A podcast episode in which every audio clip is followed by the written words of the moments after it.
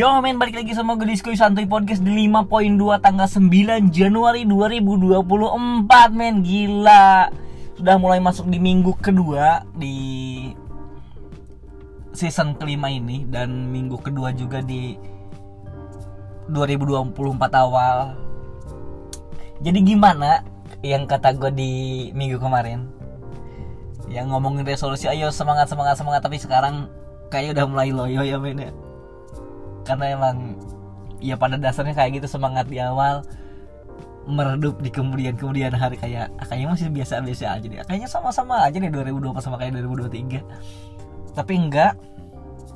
Buat orang yang punya resolusi yang pengen dia kejar dia tetap akan memanaskan apinya supaya nggak padam di kemudian kemudian hari karena dia tahu apa yang harus dia capai dan apa yang harus dia kejar seperti itu uh, minggu kedua ini masih masuk musim hujan ya ini ya. di mana gua tinggal di Cikarang pun di mana mana hujan mulai dari sore sampai malam bahkan ada yang sampai pagi sampai banjir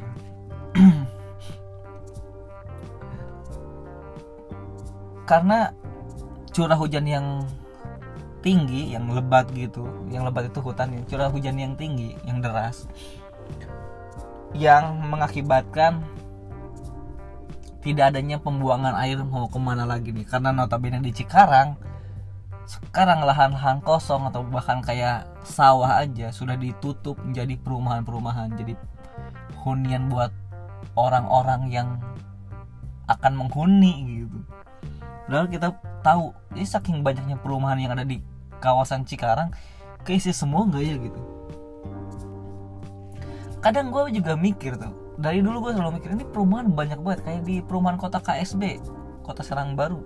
Perumahan Mega Regensi, perumahan Pasiraya, perumahan Gria Sukadami, perumahan yang ada di Sukadami semuanya, sampai ada di Grand Vista Cikarang, Gria Mulia Indah sekarang. gue di kampung, gue di kampung, yang mana dulu perumahan itu cuma ada satu di kampung gue cuma cahaya Sampora 5 karena gue di kampung Sampora. Cuma satu gue tuh selalu mikir ini orang banyak banget bikin perumahan ini ada yang ngisi nggak ya? Gitu. Gue dulu selalu mikir kayak gitu karena setiap ada lahan kosong sawah yang kosong gitu akan selalu diisi. Pasti akan ada pembangunan entah dua tahun ke depan tiga tahun ke depan ya, dan betul sekarang hampir rata semuanya. Sekarang sawah sangat sedikit dibanding 2010-an ke bawah. Nggak sih 2010 ke bawah nih 2015 ke bawah sawah itu masih banyak banget di Sampora di kampung gue sendiri. Sekarang diuruk-urukin sampahnya ditutup-tutupin dijadi perumahan jadi hunian buat manusia-manusia yang ada gitu. pertanyaannya keisi semua nggak ya gitu? Dan ya oke okay, keisi semua tapi air mau ke mana jalannya nih? Ya hujan kemarin yang dari sore sampai malam pun reda malam pas hari malam minggu. Malam minggu tuh kemarin hujan dari sore sampai ke malam. Malam gue lapar gue mau malam malam nyari makan nyari mie gue nggak ada warung yang buka sekitar rumah di kampung. Terus gue turun ke perumahan. Pas gue nyampe gerbang perumahan gue ngeliat ya, anjing atau gue ini banjir sampai sebetis. Kok orang mau ya gitu? Kok orang bisa gitu ngebeli rumah yang yang dia tahu tempatnya tuh di bawah dulunya sawah. Sedangkan irigasinya aja men irigasi yang dulu pernah ada itu di atas dia sumpah deh. Ini gue tanpa menjelek kebijakan perumahan ya gitu. Untuk developer yang ada gue minta maaf. Tapi benar gue tuh orang Sampora asli. Gue lahir dari Sampora. Gue di kampung Sampora gue gue gede lahir sampai sekarang detik ini gue di Sampora. Gue tahu semuanya sawah. Gue tahu dulu ada irigasi sungai gitu yang airnya ngalir. Yang gue waktu kecil gue masih sering mandi di sana main di sana gue main prosotan gue di sana. Sekarang sungainya itu diuruk main diuruk itu apa ya? Kayak di diratain gitu ditutup. Jadi kayak sungai mati aja cuma ada bekasnya. Nah di bawahnya itu samping sungai itu agak bawah itu sawah. Nah, sawah itu sekarang jadi perumahan-perumahan yang banyak banget. Itu yang bikin banjir kok orang bisa beli rumah yang itu tuh kan banjir tuh kalau hujan. Karena pembuangan air mau ke mana lagi itu tuh udah paling rendah. Dan gak cuma di kampung gue dong di kampung Langkap Lancar Sukaragam. Gue tahu Langkap Lancar aja dulu tuh nggak pernah banjir tuh. Sekarang banjir di jalan sampai sebetis juga kemarin. Ada berita di Urban Cikarang kok bisa ya gitu? Ya bisa karena apa? Karena sekarang jalur buat air masuk buat air mengalir itu ditutup semua. Buat apa? Buat ketamakan orang. Buat segelintir orang yang ini kita harus bikin pembangunan supaya kita ada pemasukan gitu. Bener gak?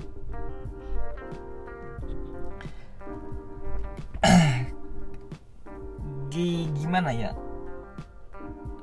kita kita kita sadar Cikarang sangat luas. Cuman kalau penduduknya lebih banyak lagi ya nggak bisa gitu. Kita nggak bisa nggak bisa nambah lahan.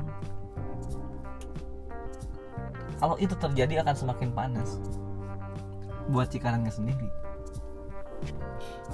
Nah tapi panas di Cikarang nggak sepanas hatinya Prabowo. Anjing masa bridgingnya kayak gitu sih? Ya tapi pun sekarang gue masih take podcast ini masih gerimis tuh di depan. Jadi untuk kalian yang tinggal di perumahan waspada hati-hati. Yang tinggal di kosan pun kalian hati-hati.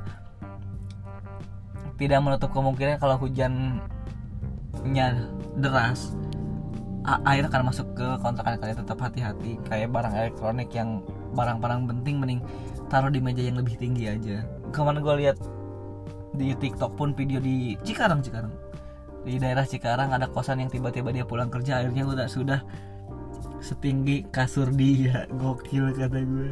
Kok bisa ya gitu. Sedih men ngeliatnya sebenarnya dulu Cikarang itu bagi gue bebas banjir sekarang banjir bisa di mana aja Cikarang. Gue nggak pernah kebanjiran di rumah gue karena lebih tinggi dan karena masih deket rumah gue karena masih ada sawah buat pembuangan air ya mungkin masih bisa. Tapi tidak menutup kemungkinan beberapa tahun kemudian mungkin di daerah gue di rumah gue pun bisa kebanjiran kalau misalnya pembangunan akan semakin ditingkatkan. Nah itu tetap stay safe buat kalian semua tetap hati-hati. Tetap waspada. Dan lagi apa ya yang menarik di dua minggu ini di minggu minggu ini eh, selain curah hujan tinggi terus baca press kemarin sih men. Menarik bagi gue. Bahkan sampai sekarang gue tuh masih ngeraguin ketiga calon ini tuh gue sampai sekarang gue tuh nggak tahu mau mau mendukung siapa ya gitu. Karena gini karena gini. Gue punya beberapa media sosial gue punya X gue punya Instagram gue punya TikTok gue punya YouTube. Keempat ini beda men. Keempat ini beda semua tuh di Twitter gue algoritmanya tuh Ganjar sama Prabowo. Beneran ini. Di TikTok gua Prabowo algoritmanya Prabowo yang kemarin uh, di debat kemarin di Instagram gua Anis di YouTube gua random.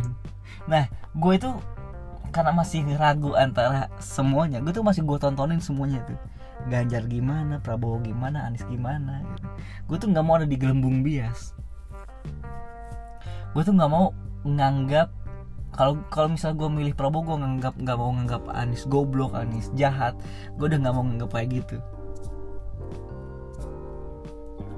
Pun kalau misal gue ada di kubu Anies gue nggak mau nganggap nggak mau nganggap bahwa Prabowo jahat Prabowo Prabowo keras gitu. Kalau gue ada di Prabowo eh, di kubu Ganjar gue nggak mau nganggap ya kayak gitu semua gitu. Prabowo keras terus Anies kayak gini gitu. Anies cuma bisa ngomong doang. Nah gue nggak mau di algoritma itu. Gue nggak mau ada di gelembung bias itu. Kalau gue ada di Anies berarti gue nutup semua berita-berita tentang Prabowo tentang Ganjar gitu. Udah gue nggak mau kayak gitu. Gue nggak mau kayak gitu. Sampai sekarang gue masih bisa belum bisa nentuin. Tapi kemarin yang debat yang menarik kata gue gue tuh bagi gue sendiri ya debat kemarin itu yang unggul. Ganjar men. Ganjar di atas angin gila. Ganjar itu di atas angin. Dengan lugas dengan lugas gitu.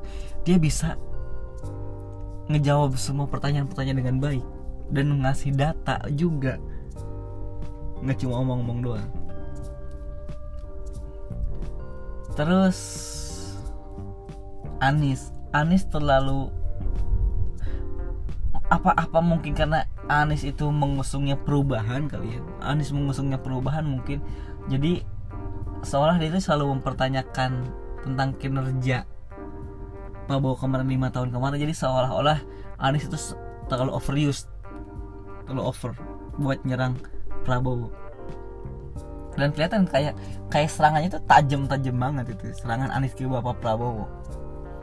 Dengan ngasih data yang menurut Prabowo itu keliru juga. Nah di satu sisi Prabowo debat kemarin yang kelihatan sama gue dia emosi kepancing emosinya. Kayak pas Anies ngomongin tentang data terus kata Prabowo itu salah itu keliru kan yang Anies ngomongin punya tanah 340 ribu hektar tapi ternyata keliru. Nah kebanyakan juga Prabowo kemarin ngomong tuh kayak kayak bukan dia yang jadi menhan lima tahun kemarin gitu. Dia tuh nggak nggak bisa ngebuka datanya sendiri ya kalau boleh ya buka dong itu transparan. Jangan malah ngajak COD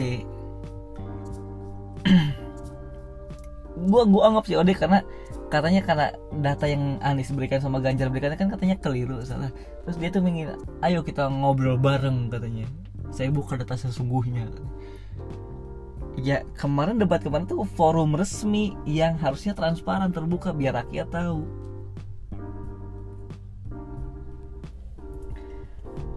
data kayak gitu harusnya terbuka enggak sih? Menurut gua harusnya terbuka tapi ada data-data lain yang emang harus tertutup. Kayak strategi perang strategi ketahanan negara ya itu emang harusnya tertutup bukan data-datanya. Ngerti gak sih maksud gue